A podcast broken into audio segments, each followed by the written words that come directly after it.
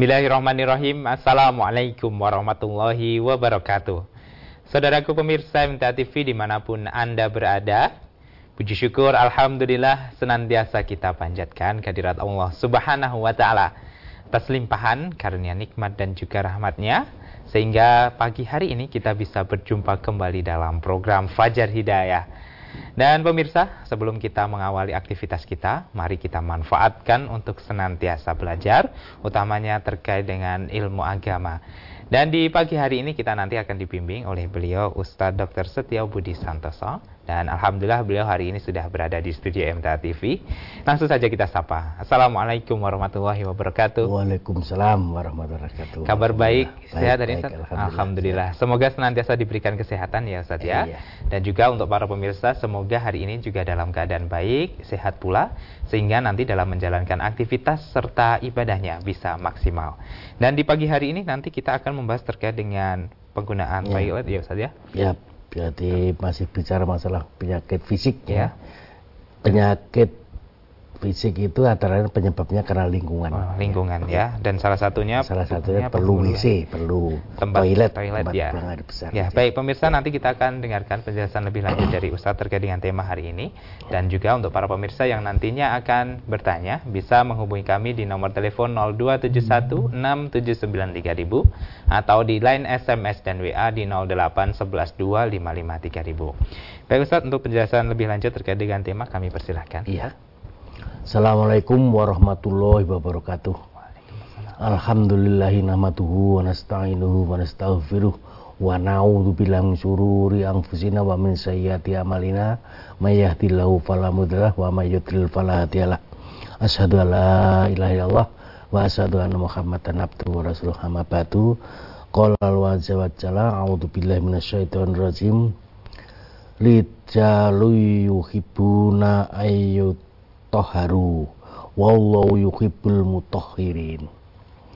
Para pemirsa MTA FM MTA TV para pendengar radio MTA FM Persada FM juga beberapa siaran radio yang menyiarkan Fajar pada pagi hari ini. Mari pertama-tama selalu kita ingat akan nikmat Allah. Kita diberikan kesempatan hidup, diberikan kelonggaran, diberikan waktu untuk memperbaiki diri dan kita diberikan kesehatan itu nikmat yang besar yang perlu kita syukuri kita gunakan di jalan yang baik di jalan yang benar. Dan yang paling besar adalah nikmat hidayah.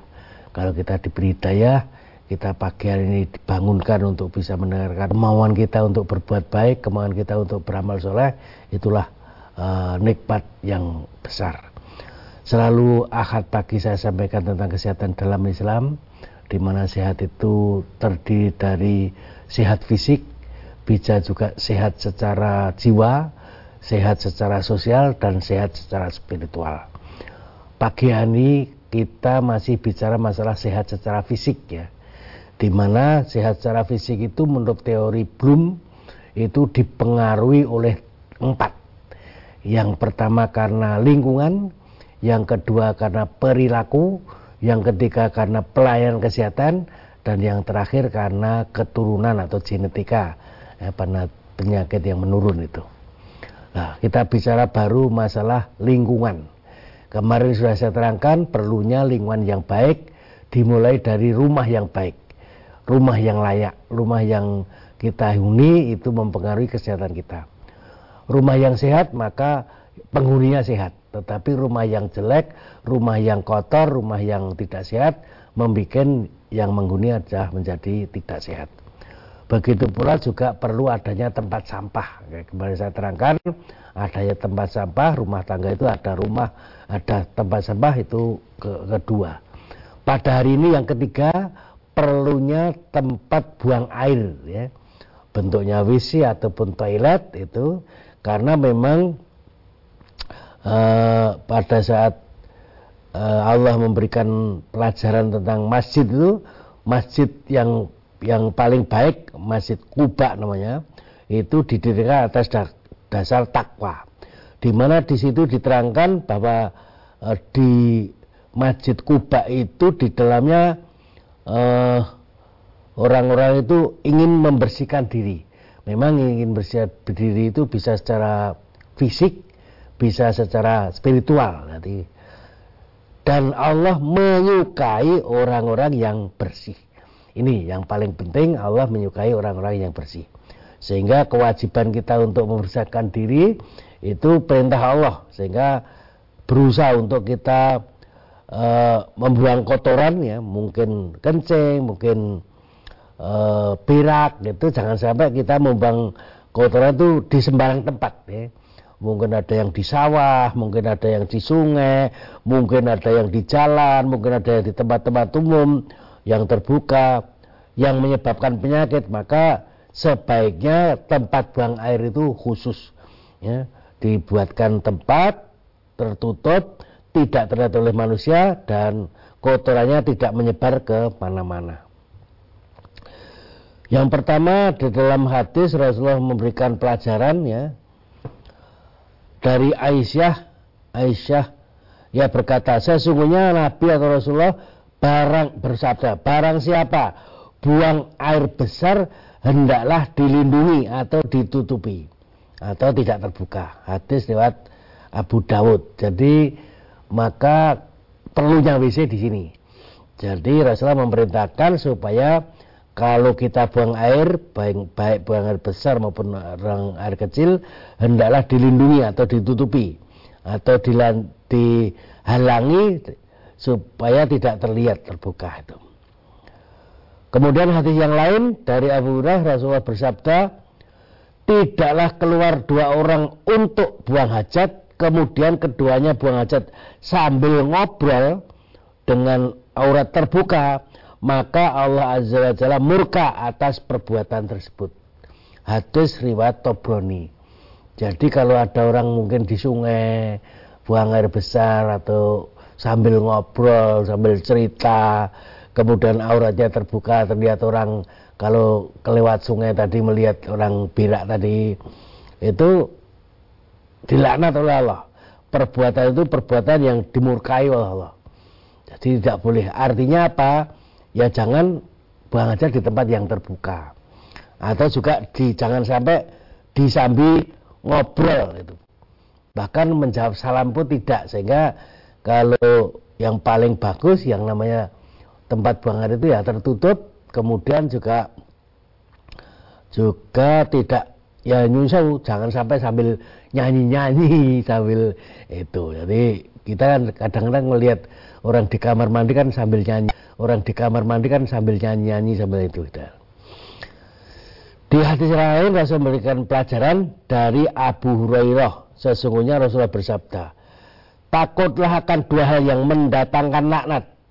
Para sahabat bertanya apakah dua hal yang mendatangkan laknat itu ya Rasulullah? Nabi bersabda ialah orang yang buang hajat di tempat umum di tempat orang lewat atau buang hajat di tempat-tempat orang berteduh. Jadi kita itu walaupun hanya kencing itu ya bo tidak boleh di tengah jalan sambil membuat huruf atau mungkin di situ ada apa ya istilahnya terminal atau mungkin e, pemberhentian bis misalnya itu kencing di situ kan mungkin bau jadi dua tempat yang di, dilarang oleh Rasulullah itu dua yang mendatangkan laknat itu laknat Allah yaitu orang yang buat hajat buang hajat di tempat orang lewat atau buang hajat di tempat orang berteduh yang tidak boleh.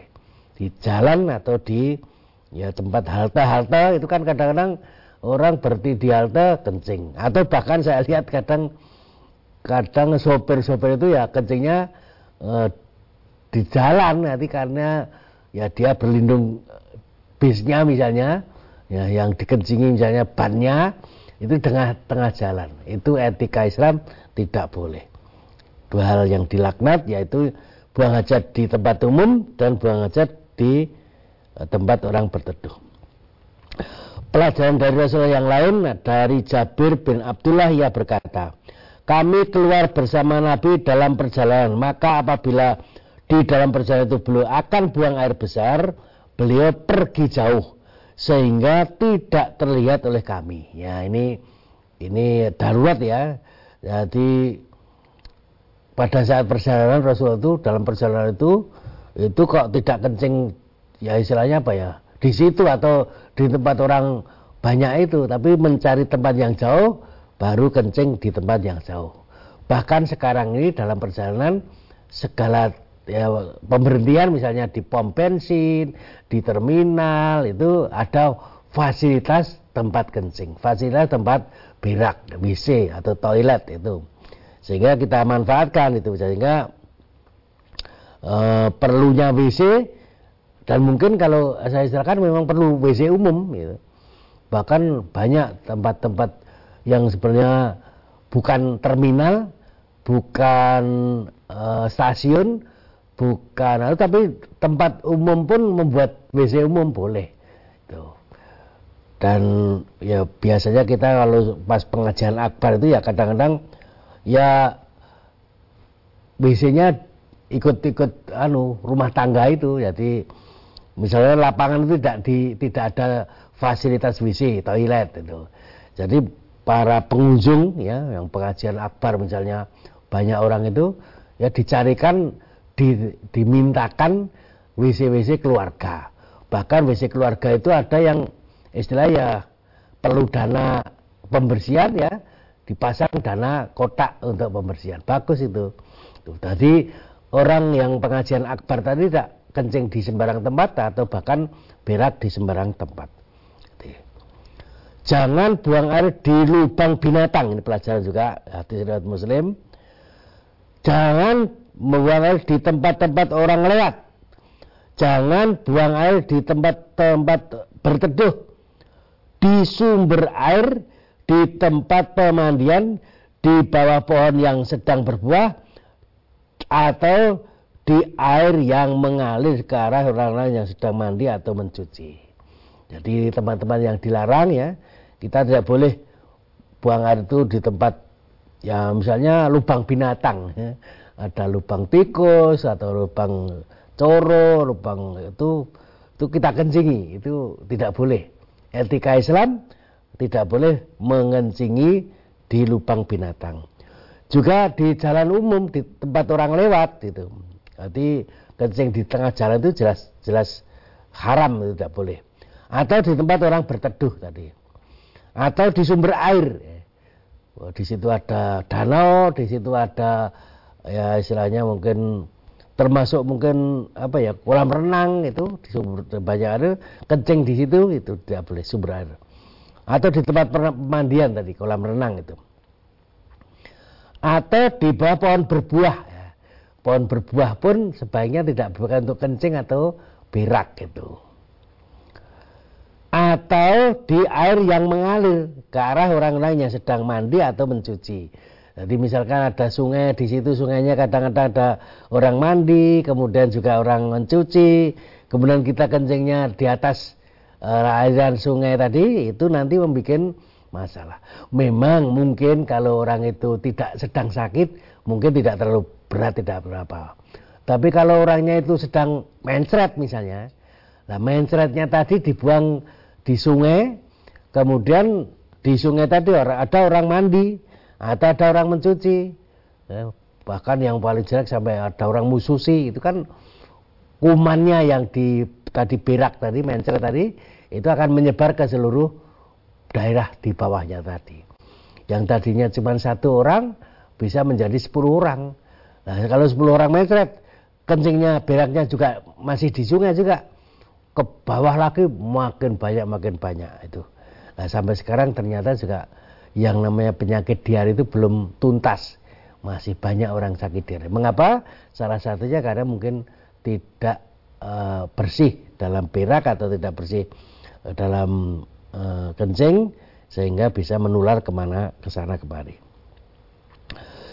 Janganlah kamu kencing di air yang tenang, di mana kamu mandi di situ. Gitu. Nah, tadi di hadis yang atas kan jangan kencing di air yang mengalir. Tapi di sini hadis riwayat Muslim yang lain jangan kencing di air yang tenang. Artinya apa? Artinya jangan kencing di tempat air itu. Jadi kalau kencing ya di tempat yang yang kering bukan air baik air air mengalir maupun air yang tergenang ya. air yang mengalir misalnya sungai atau kalen itu itu nggak boleh dipakai untuk kencing. Air yang tergenang misalnya kolam renang itu, jadi nggak boleh kencing di dalam kolam renang. Loh, mengapa begitu? Kalau kita punya penyakit sedang sakit, misalnya sakit tipes, misalnya sakit diare, kemudian kita kencing di kolam renang, akhirnya orang yang renang di kolam renang itu semuanya bisa tertular. Jadi jangan sampai kita kencing atau berak di tempat air mengalir atau air yang tergenang. Dua-duanya eh, seolah kan seolah hadisnya berlawanan. Padahal itu maksudnya jangan kencing di tempat air. Apalagi di sumber air ya. Tuh istilahnya dipakai untuk mandi, dipakai untuk minum itu. Kalau di sini di Solo itu kan sumber air dari Boyolali ya. ya di di Pengging itu kan nah itu kalau di sana orang-orang Pengging itu e, berak kencing seenaknya orang Solo kena akibatnya. Karena air kebanyakan dari Solo itu dari Pengging itu. Jadi tadi ada dua hadis salah bertentangan sebenarnya tidak tidak. Artinya jangan kencing di sumber air gitu. Bila terpaksa berak atau kencing di tempat terbuka ya bila terpaksa di tempat terbuka jangan menghadap ke arah kiblat atau membelakanginya. Dari Rasulullah beliau bersabda apabila seorang dari kamu buang air besar atau kecil janganlah menghadap kiblat atau membelakanginya. Ya. Jadi kalau di tempat terbuka tapi kalau di tempat tertutup ada riwayat Rasulullah pernah kencing menghadap atau menghadap apa ya e, menghadap kiblat itu. Pergunakan tangan kiri ketika membersihkan kemaluan atau dubur. Jadi kalau cebok gunakan tangan kiri itu. Contohnya Rasulullah begitu. Jangan menyentuhnya dengan tangan kanan.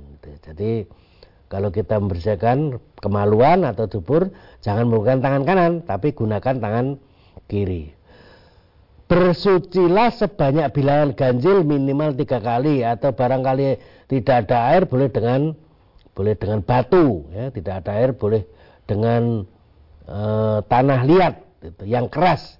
Atau mungkin pakai kertas ya.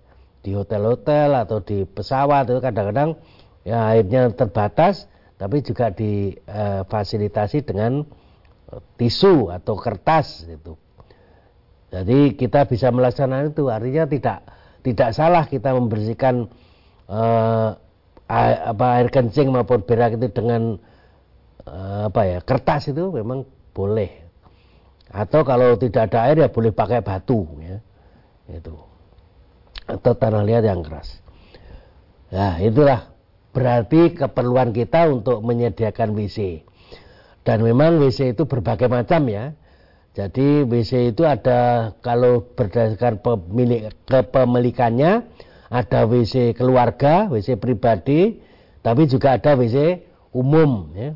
Nah, me memang sebaiknya ada WC pribadi dan WC umum ya, terutama daerah-daerah perumahan itu ada WC pribadi, terus ada WC umum. Lah gunanya WC umum apa? WC umum dipakai untuk orang-orang yang tidak punya WC pribadi. Jadi kalau rumah apa ya, dalam satu lingkungan itu tidak ada WC umum, orang yang yang tidak punya WC tadi kan seenaknya, biraknya, kencingnya. Tapi kalau kita secara kebersamaan itu membangun WC WC umum, nanti orang yang tidak punya WC pribadi itu bisa berak ke tempat WC umum tadi.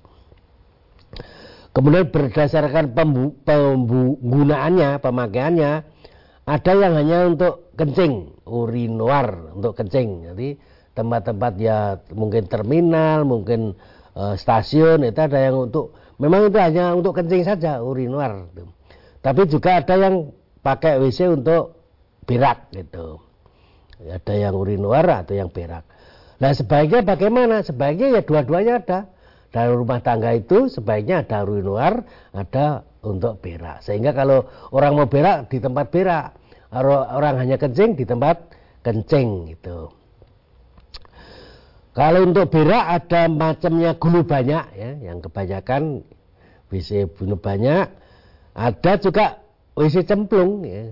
ada lubang begitu dimasukkan cemplung itu zaman-zaman Nabi mungkin WC cemplung yang paling banyak karena WC cemplung itu mudah dan tidak perlu banyak air itu tapi kalau sekarang banyaknya yang malah WC eh, dengan gulu banyak kemudian ada WC model tempat duduk toilet duduk tapi ada juga yang toilet jongkok masing-masing punya kelebihan ya kalau duduk itu kan bagi mereka yang yang jongkok tidak bisa, yang sepuh dan bisa WC duduk. Kalau yang yang jongkok itu kan ya lebih longgar lebih anu, bagi yang jongkok bisa ya lebih bagus jongkok. Jongkoknya itu bahkan bisa mengurangi ambien hemoroid itu. Kemudian lantainya jangan licin, itu bahaya karena mudah menjatuhkan orang yang yang uh, ke belakang tadi apalagi sudah tua itu. Jadi kemudian anak itu sebaiknya diajari mulai umur 2 sampai 3 tahun. Kira-kira umur 27 sampai 32 bulan itu sudah biasa dilatih ya kalau kencing di sana, kalau berak di sana, kalau dia mau berak di mana dijunjung di arah WC kencing itu. Tuh, maka kita gelakkan untuk kebersihan ini Bahkan juga nanti pemakaiannya digalakkan. Di Indonesia sudah ada Permenkes nomor 3 tahun 2014 itu tentang kegiatan STBM sanitasi total berbasis masyarakat itu. Nah, ini mestinya ada fasilitas untuk bisa melaksanakan STBM ini. Memang STBM ini termasuk perilaku, tetapi untuk menjadi perilakunya lancar kan harus ada fasilitas. Apa itu STBM? STBM itu satu, stop buang air besar sembarang tempat. Ya. Stop BABS. Yang kedua, cuci tangan pakai sabun. CTPS. Yang ketiga, pengelolaan air minum dan makanan rumah tangga. Jadi dikelola dengan baik PMA PAMRE.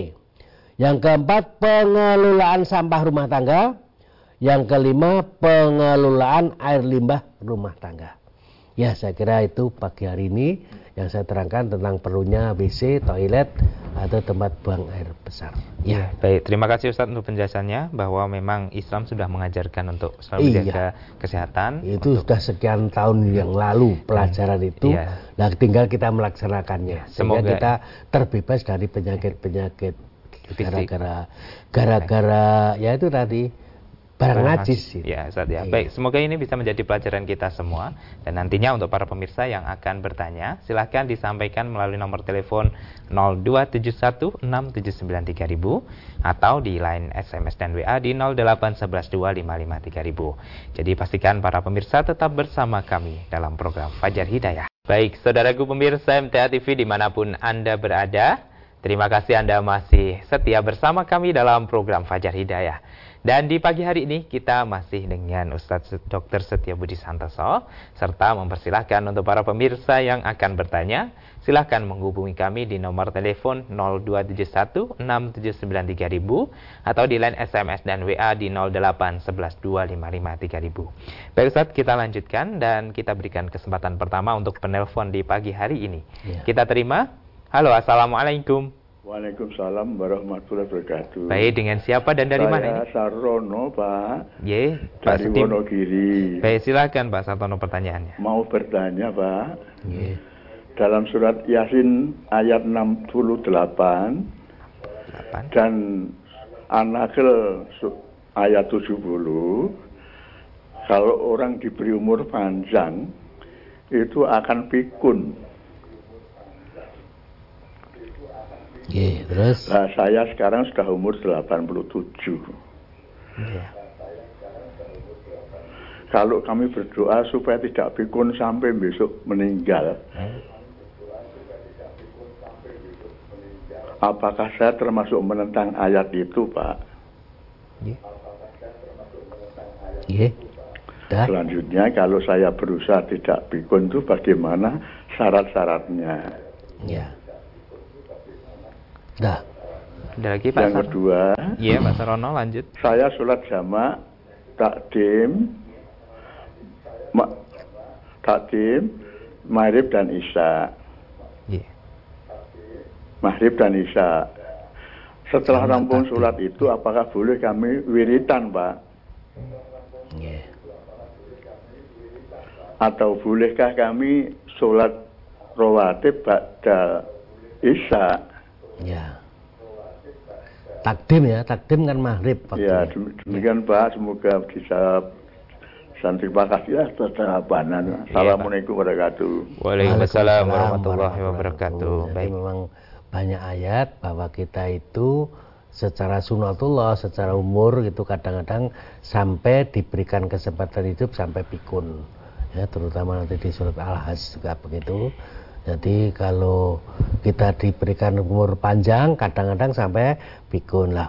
Untuk tidak pikun itu memang ya secara keseluruhan nanti melaksanakan eh, sunnah-sunnah Rasulullah itu kalau kita laksanakan eh, bahasa saya eh, apa ya eh, pencegahan untuk menjadi tidak pikun itu banyak hal ya dan bahkan di kedokteran ada eh, dokter yang ahli namanya ahli geriatri ahli ketuaan itu.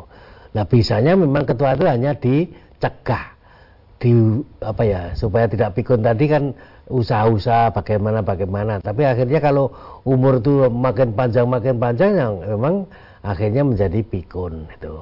Jadi pencegahan ada usaha ada sejak bahkan pencegahan itu tidak hanya eh, sudah sudah usila sudah sudah tua baru pencegahan sejak kecil ya.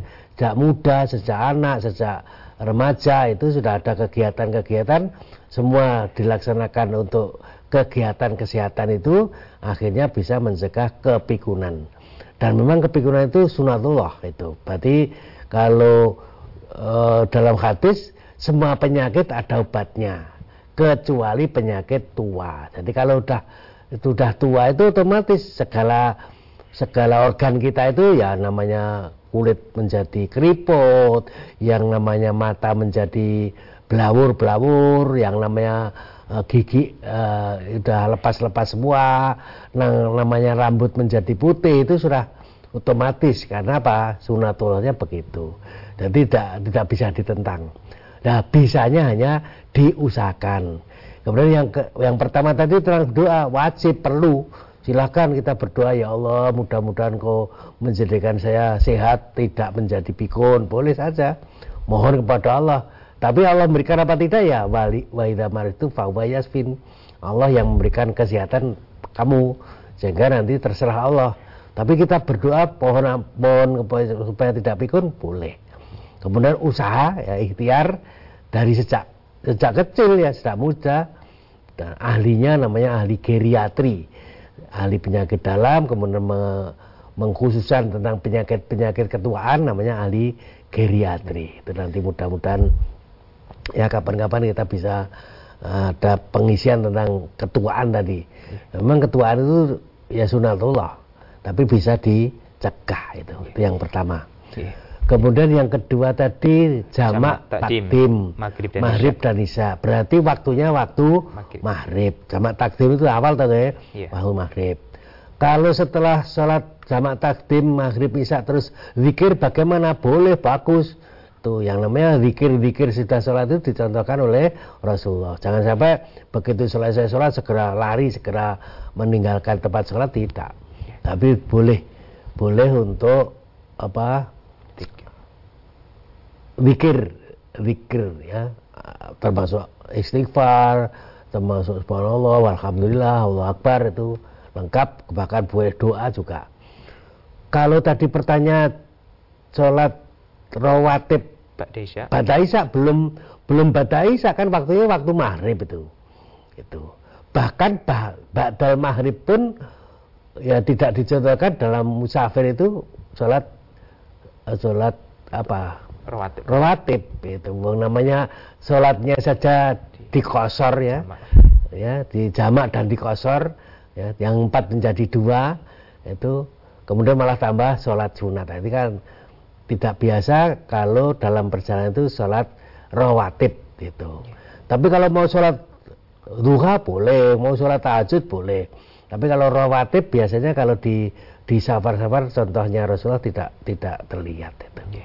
Baik, sudah Ustaz ya. Ya. Semoga di- bisa dipahami untuk Bapak Sarono di Wonogiri. Pak Sarano Oke, ya. Kita beralih ke pesan WhatsApp Ustaz. Ada Ya. pertanyaan dari Pak Supri di Wonosobo terkait dengan kencing di kebun dengan berdiri dan dibersihkan dengan daun. Apakah diperbolehkan ini Ustaz?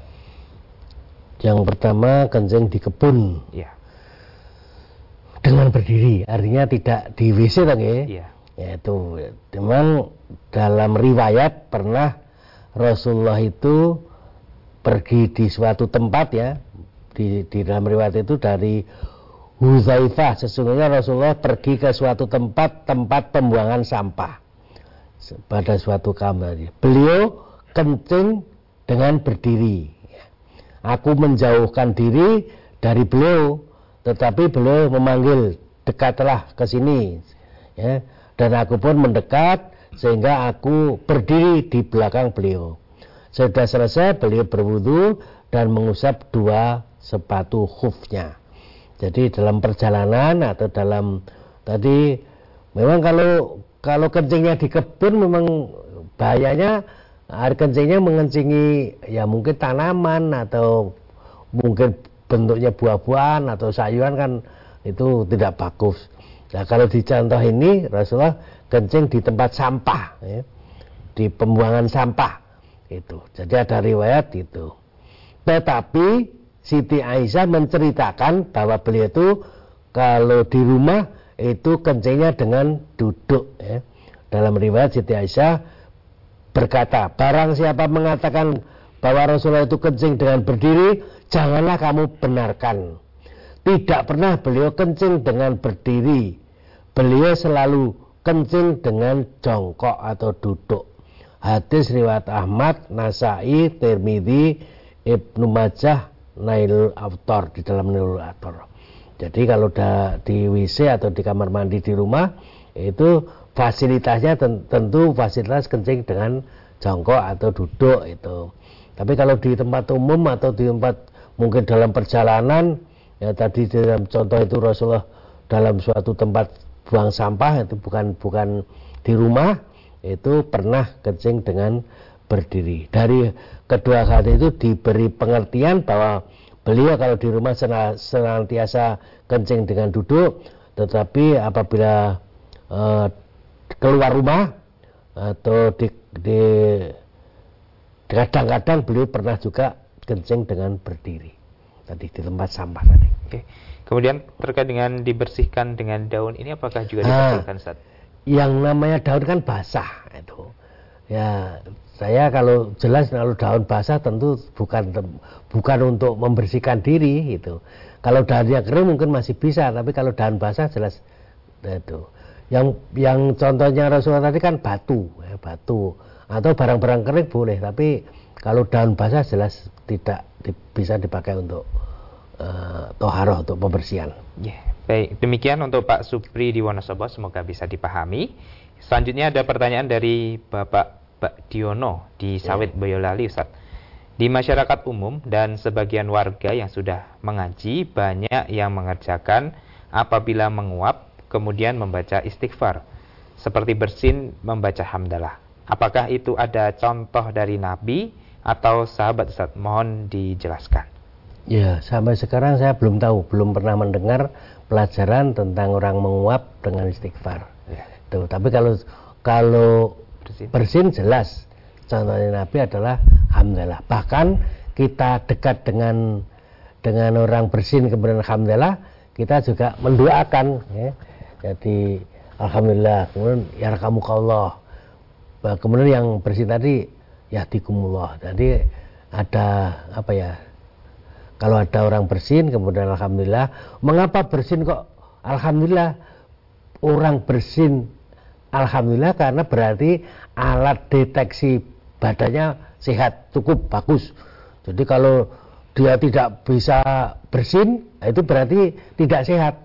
Terutama misalnya orang-orang perokok itu karena saking seringnya merokok dia ya kena apa saja mungkin ada asap mungkin ada kuman masuk ke, ke hidung tidak bersin.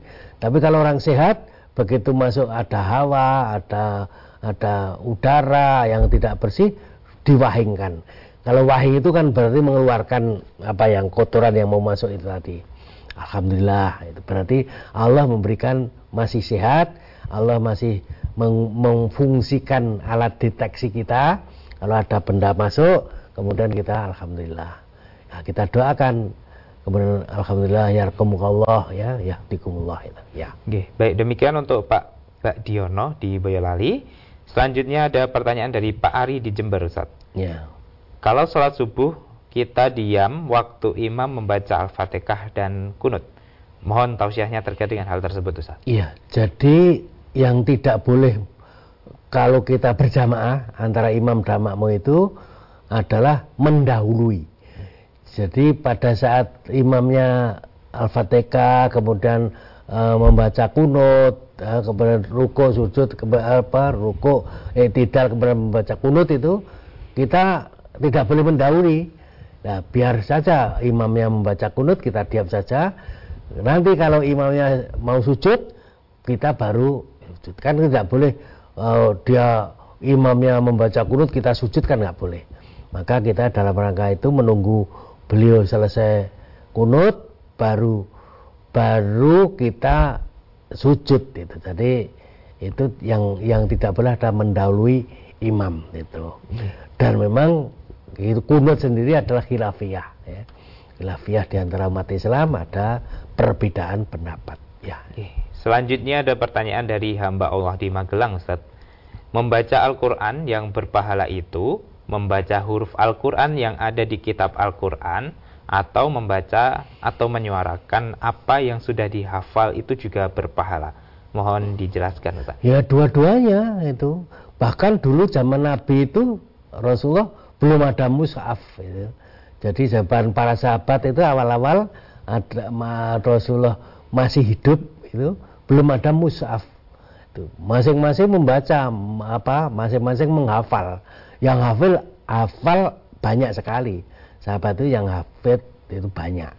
Tuh. Nah, sekarang ditambah mushaf, mungkin juga pakai HP, mungkin juga pakai laptop, dibaca boleh itu dihafal bagus tuh jadi kalau dulu pada saat Rasulullah masih ada yang namanya membaca Al-Quran itu bukan membaca mushaf tapi membaca hafalan memang ada tulisan-tulisan Al-Quran tapi ya pada saat itu Sabit bin apa itu nulis-nulis di ya di kulit-kulit uh, binatang ada di di pohon-pohon itu. Tulisannya pada saat itu belum ada mushaf. Karena adanya mushaf setelah Abu Bakar Umar apa Utsman itu yang paling terkenal Utsman karena Abu Bakar dikumpulkan Utsman apa Umar juga dikumpulkan baru pada saat Utsman itu uh, ada mushaf mushaf dibuat itu yeah. jadi baik membaca mushaf maupun menghafalkan itu membaca Al-Quran di mana saja sambil tidur, sambil naik mobil, sambil jalan, sambil kegiatan kita menjalankan ada nilai pahalanya. Ya. Baik, demikian untuk hamba Allah di Magelang. Kita kembali ke telepon saat ada penanya selanjutnya. Halo, assalamualaikum. Halo, assalamualaikum. Waalaikumsalam warahmatullahi wabarakatuh. Baik, dengan Pak Hadi di Palembang. Pak Haji di Palembang? Iya Pak Haji. Baik, silakan Bapak pertanyaannya. Ini Mas Haji. Assalamualaikum warahmatullahi wabarakatuh Mas Haji. Waalaikumsalam warahmatullahi wabarakatuh. Mari Pak Haji. Waalaikumsalam warahmatullahi wabarakatuh. Haji. Saya tanya masalah WC di tadi. Ya. Nah, di tempat saya, setiap rumah kan ada WC-nya Nah, di tempat saya, setiap rumah kan ada WC. Nah, di pekarangan ada sumur bornya sedalam 50 meter. Nah, itu kira-kira ada resapan nggak ke sumur itu, Pak Ustaz? Nah, itu kira-kira ada resapan nggak ke sumur itu, Nah, kalau digunakan itu halal apa nggak sumurnya itu, air sumurnya? Terima kasih atas penjelasannya. Wassalamualaikum warahmatullahi wabarakatuh. Waalaikumsalam warahmatullahi wabarakatuh. Gimana WC ya? Ada di setiap rumah punya WC Ustaz. Ya, Kemudian ya. di pekarangannya punya sumur, Sumur bor bor, yang 50 iya. meter. Apakah Jadi nanti memang aturannya WC atau ter- terutama tempat penampungan eh, kotor tadi, kotoran tadi eh, namanya jumlengnya itu itu jaraknya dengan sumur itu minimal 10 meter. Di minimal lebih lebih jauh lebih bagus. Jadi jangan sampai dekat itu. Itu bukan WC-nya loh, tapi anunya apa Septic tank. septic tanknya. Nah, septic tank tadi dengan sumurnya itu eh, jaraknya minimal 10 meter itu lebih lebih jauh lebih bagus. Maka kalau di situ banyak WC boleh saja banyak WC tapi septic tanknya dijauhkan dari dari sumur tadi. Bahkan biasanya kan WC WC kebanyakan dekat dengan sumur. Itu tempat mandi tadi dekat dengan sumur boleh. Tetapi septic tanknya dijauhkan jadi ada jarak minimal 10 meter ya Baik. bagus ini pertanyaan demikian untuk Pak Hadi, semoga bisa dipahami untuk Pak Hadi dan kita semua ya. Baik, terakhir Ustadz ada pertanyaan dari Ibu Yanti di cabang Rebang Tangkas Ustadz. ya Apakah suami salah jika membantu membersihkan rumah dan sebaliknya apabila istri membantu pekerja suami apakah juga salah? Mohon tausiahnya. Itu bagus hebat itu. Jadi rumah tangga suami membantu istri istri membantu suami itu rumah tangga yang bagus. Rumah tangga yang jelek malah orang itu nafsi-nafsi sendiri-sendiri. Itu gaweanmu itu gawean saya itu kamu silahkan dilaksanakan situ. Jadi kalau ada suami mau membantu istrinya baik mungkin memasak mungkin mencuci mungkin mencelika boleh-boleh saja Se- seorang istri membantu memperbaiki apa ya, mungkin eh, ya mungkin temboknya sudah rusak, perlu dicat, perlu ya boleh.